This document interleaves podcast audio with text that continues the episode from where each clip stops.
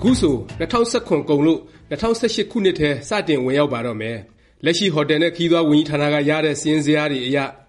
လူဝင်မှုကြီးကြပ်ရေးနဲ့ ပြည်သူ့အင်အား ဦးစီးဌာန လဝက က ရတဲ့ စာရင်းတွေအရ ယဉ်ကျေးမှုနယ်မြေပကံစုံက ရတဲ့ စာရင်းဇယားတွေအရ အခုနှစ် နိုင်ငံခြားခရီးသည် Tourist ဝင်ရောက်မှုဟာ ပြီးခဲ့တဲ့နှစ် ဝင်ရောက်မှုထက် နည်းနေတယ် ဆိုတဲ့ အဖြေ ထွက်ပါတယ်။အိမ်နီးချင်းနိုင်ငံတွေရဲ့ နိုင်ငံခြားခရီးသည် ဝင်ရောက်မှု စာရင်းတွေမှာတော့ တစ်နှစ်ပြီး တစ်နှစ် တရိပ်ရိပ် တက်လာနေတာ တွေ့ရပါတယ်။ မြန်မာနိုင်ငံ ခရီးသွားလုပ်ငန်း အခြေအနေ တကယ့် အဖြစ်မှန်ဟာ ဘာလဲ။မြန်မာ့ခရီးသွားလုပ်ငန်း တိုးတက်ဖွံ့ဖြိုးလာအောင် အိမ်နီးချင်းနိုင်ငံတွေလို အခြေအနေ ဖြစ်လာအောင် ဘာတွေ လုပ်ကိုင်ဆောင်ရွက်ဖို့ လိုမလဲ ဆိုတာ လေ့လာ ဆွေးနွေးကြည့်ကြရအောင်ပါ။ပြီးခဲ့တဲ့ ဒီဇင်ဘာလ၁၁ ရက်က နေပြည်တော် ဟိုတယ်ဇုန်မှာ အာဆီယံ ခရီးသွားလုပ်ငန်း ကျွမ်းကျင်ပညာရှင်များ အပြန်အလှန် အသိမှတ်ပြုရေး အစီအစဉ် လုပ်ငန်းစီမံချက် ၂၀၁၈ကနေ၂၀၂၀ ရေးဆွဲရေးဆိုင်ရာ ညှိနှိုင်းအစည်းအဝေးနဲ့ အာဆီယံ ခရီးသွားလုပ်ငန်း ကျွမ်းကျင်ပညာရှင်များ ကြီးကြပ်မှုကော်မတီ အထူးအစည်းအဝေးပွဲတစ်ခု လုပ်ပါတယ်။အဲဒီအစည်းအဝေးမှာ အခုနှစ်အတွင်း ပြည်ပကနေ ခရီးသည် ၃.၅ သန်း ဝင်ရောက်ဖို့ မျှော်မှန်းထားပြီး ဒီဇင်ဘာလထဲမှာ မျှော်မှန်းထားတဲ့ အရည်အတွက် ပြည့်မီနိုင်တယ်လို့ ဟိုတယ်နှင့်ခရီးသွားလာရေးဝန်ကြီးဌာန အမြဲတမ်းအတွင်းဝန် ဦးရည်မွန်က ပြောပါတယ်။ သူပြောသလိုဆိုရင် မြန်မာနိုင်ငံရဲ့ နိုင်ငံခြားခရီးသည် ဝင်ရောက်မှုဟာ အိမ်နီးချင်းနဲ့ အာဆီယံနိုင်ငံတွေထက်တော့ နည်းတယ်၊ဒါပေမယ့်သိပ်အဆိုးကြီး မဟုတ်ဘူးလို့ ထင်စရာပါပဲ။ဒါပေမယ့်တကယ့်တကယ် ကိန်းဂဏန်း အစစ်အမှန်က အဲလို မဟုတ်ပါဘူး။အစိုးရက ထုတ်ပြန်ထားတဲ့ ပြီးခဲ့တဲ့ ၂၀၁၆ ခုနှစ် နိုင်ငံခြားခရီးသည် ဝင်ရောက်မှု စာရင်းမှာ ၃ သန်းနီးပါးဆိုပြီး ဖော်ပြထားပါတယ်။အဲဒီမှာ သတိပြုဖို့ လိုတာက နယ်စပ်ဝင်ပေါက်တွေကနေ နေ့ချင်းပြန် ဒါမှမဟုတ် ခဏတဖြုတ် ဝင်လည်သူ တစ်သန်းခြောက်သိန်းကျော်ကို ထည့်ပေါင်းထားတာ တွေ့နိုင်ပါတယ်။ကျန်တဲ့သူတွေကမှ တကယ့်ကို ပတ်စ်ပို့ကိုင်၊ဝင်ခွင့်ဗီဇာတုံးထုပြီး ဝင်ကြသူတွေပါ။အဲဒီအထဲမှာလည်း အလုပ်ဗီဇာ၊ဆိုရှယ်ဗီဇာ အပါအဝင် အခြားဗီဇာအမျိုးမျိုးနဲ့ ဝင်လာသူတွေကိုလည်း ထည့်ပေါင်းထားပါသေးတယ်။နောက်ဆုံး ပြန်တွက်ရင် ရန်ကုန်၊မန္တလေး၊နေပြည်တော်နဲ့ နယ်စပ်ဝင်ပေါက် အသီးသီးကနေ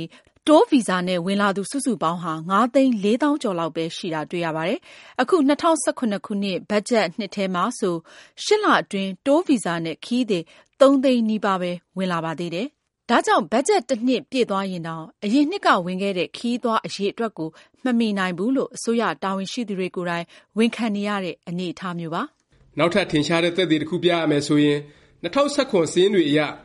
ကမ္ဘောဒီးယားနိုင်ငံ အန်ကောဝပ် ရှေးဟောင်းယဉ်ကျေးမှု နယ်မြေကို ၁၁ လအတွင်း ဝင်လည်တဲ့ ခရီးသည် အရည်အတွက် ၂ ဒသမ ၈ သန်းရှိတယ်၊ဝင်ငွေ ဒေါ်လာ ၉၅ သန်းရှိတယ် ဆိုတာပါပဲ။မြန်မာနိုင်ငံ ပုဂံ ရှေးဟောင်းယဉ်ကျေးမှု နယ်မြေကိုတော့ နိုင်ငံခြားသား ၃ သိန်းလောက် ဝင်ဖို့ ခန့်မှန်းထားပေမယ့် လက်တွေ့မှာ ၂ သိန်း ၈ သောင်းလောက်ပဲ ဝင်မယ်လို့ ဆိုပါတယ်။အဲဒီ ကိန်းဂဏန်းလောက်ဆို ပုဂံယဉ်ကျေးမှုဇုံကနေ ဝင်ငွေ အမေရိကန်ဒေါ်လာ ၅ သန်းကျော်လောက်ပဲ ရနိုင်မယ် ဆိုတဲ့ သဘောပါ။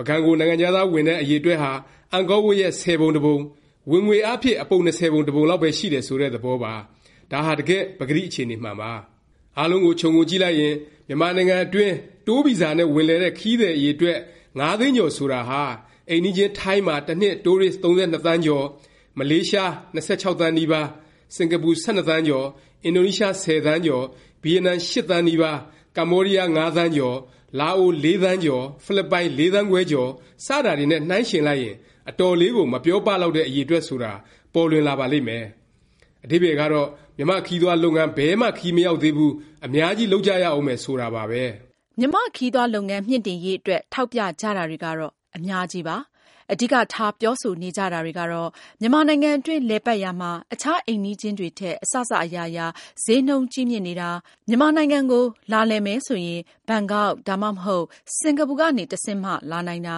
ခရီးစဉ် အသစ်အဆန်း ဖော်ထုတ်နိုင်မှု နည်းပါးနေသေးတာ၊ခရီးသွားလုပ်ငန်းနဲ့ သက်ဆိုင်တဲ့ ကဏ္ဍတွေမှာ ဝန်ကြီးဌာနဘက်က ဖြေလျော့မှုတွေ လုပ်ပေးဖို့ လိုနေတာ၊ဆက်စပ်လုပ်ငန်းတွေ အားလုံး ဖွံ့ဖြိုးလာအောင် လုပ်ပေးဖို့ လိုနေတာ စတာတွေပဲ ဖြစ်ပါတယ်။ မြန်မာနိုင်ငံအတွင်း လည်ပတ်မှုစားရိတ်စားခကဈေးကြီးတယ်ဆိုတာဟော်တယ်အပါအဝင် တည်းခိုစားရိတ်၊သန့်ရှင်းတဲ့ အစားအသောက်စားရိတ်၊ပြည်တွင်း လေယာဉ်စီးခနှုန်းထား စတာတွေအားလုံး အိမ်နီးချင်းနိုင်ငံတွေထက် ဈေးနှုန်းကြီးမြင့်နေတာမျိုးပါ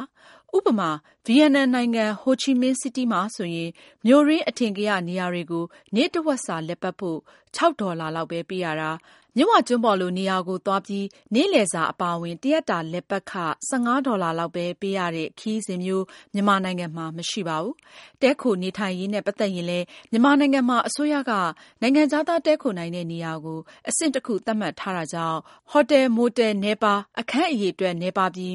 ဈေးနှုန်းတွေ ကြီးမြင့်နေတာမျိုးပါ။ဥပမာအားဖြင့် နိုင်ငံခြားသား တည်းခိုနိုင်တဲ့ဟော်တယ်တစ်ခု လိုင်စင်ရဖို့ဆို ၁၀ ပေပတ်လည် Master bedroom အနည်းဆုံး ၁၀ ခန်းရှိရမယ်ဆိုတဲ့ သတ်မှတ်ထားချက်မျိုးပါ။အိမ်နီးချင်းနိုင်ငံတွေမှာလို ဈေးချိုချိုနဲ့ တည်းနိုင်တဲ့ နေရာမျိုးကို ခွင့်ပြုချက်ချပေးတာ၊နိုင်ငံတကာမှာ ခေတ်စားနေတဲ့ Home-stay မှာ တည်းခိုတာမျိုး ခွင့်ပြုပေးတာ စတာတွေ လုပ်ပေးနိုင်ပါတယ်။လက်ရှိ မြန်မာနိုင်ငံထဲ လာလည်မယ်ဆိုရင် ရန်ကုန်၊မန္တလေး၊ပုဂံ၊အင်းလေး စတဲ့ နေရာနည်းနည်းလောက်ပဲ လည်စရာပတ်စရာ ရှိနေပါတယ်။ကမ္ဘာပေါ်မှာ အကောင်းဆုံးစာရင်းဝင်တဲ့ မြိတ်ကျွန်းစုလို နေရာတွေကိုတောင် လွယ်လွယ်ကူကူ သွားနိုင်တဲ့ ခရီးစဉ်မျိုး မစီစဉ်ပေးနိုင်သေးပါဘူး။ အဲလို ခရီးစဉ်မျိုး အမြောက်အများ ထွက်ပေါ်လာအောင် အစိုးရဘက်က အားပေးအားမြှောက် ပြုဖို့ လိုပါတယ်။နောက် အရေးကြီးတဲ့ တစ်ချက်က နိုင်ငံခြားသား ခရီးသည်တွေ အဆင်ပြေပြေ လည်ပတ်နိုင်အောင်၊အမြို့မြို့ အနယ်နယ်မှာ တက္ကစီတွေ စနစ်တကျ ဖြစ်အောင် စီမံပေးတာ၊အဝေးပြေးကားတွေ၊တိုးခရီးထွက်နိုင်မယ့် ကားလိုင်းတွေ စနစ်တကျ ဖြစ်အောင် စီစဉ်ပေးတာမျိုးလည်း အများကြီး လုပ်ဖို့ ကျန်နေပါသေးတယ်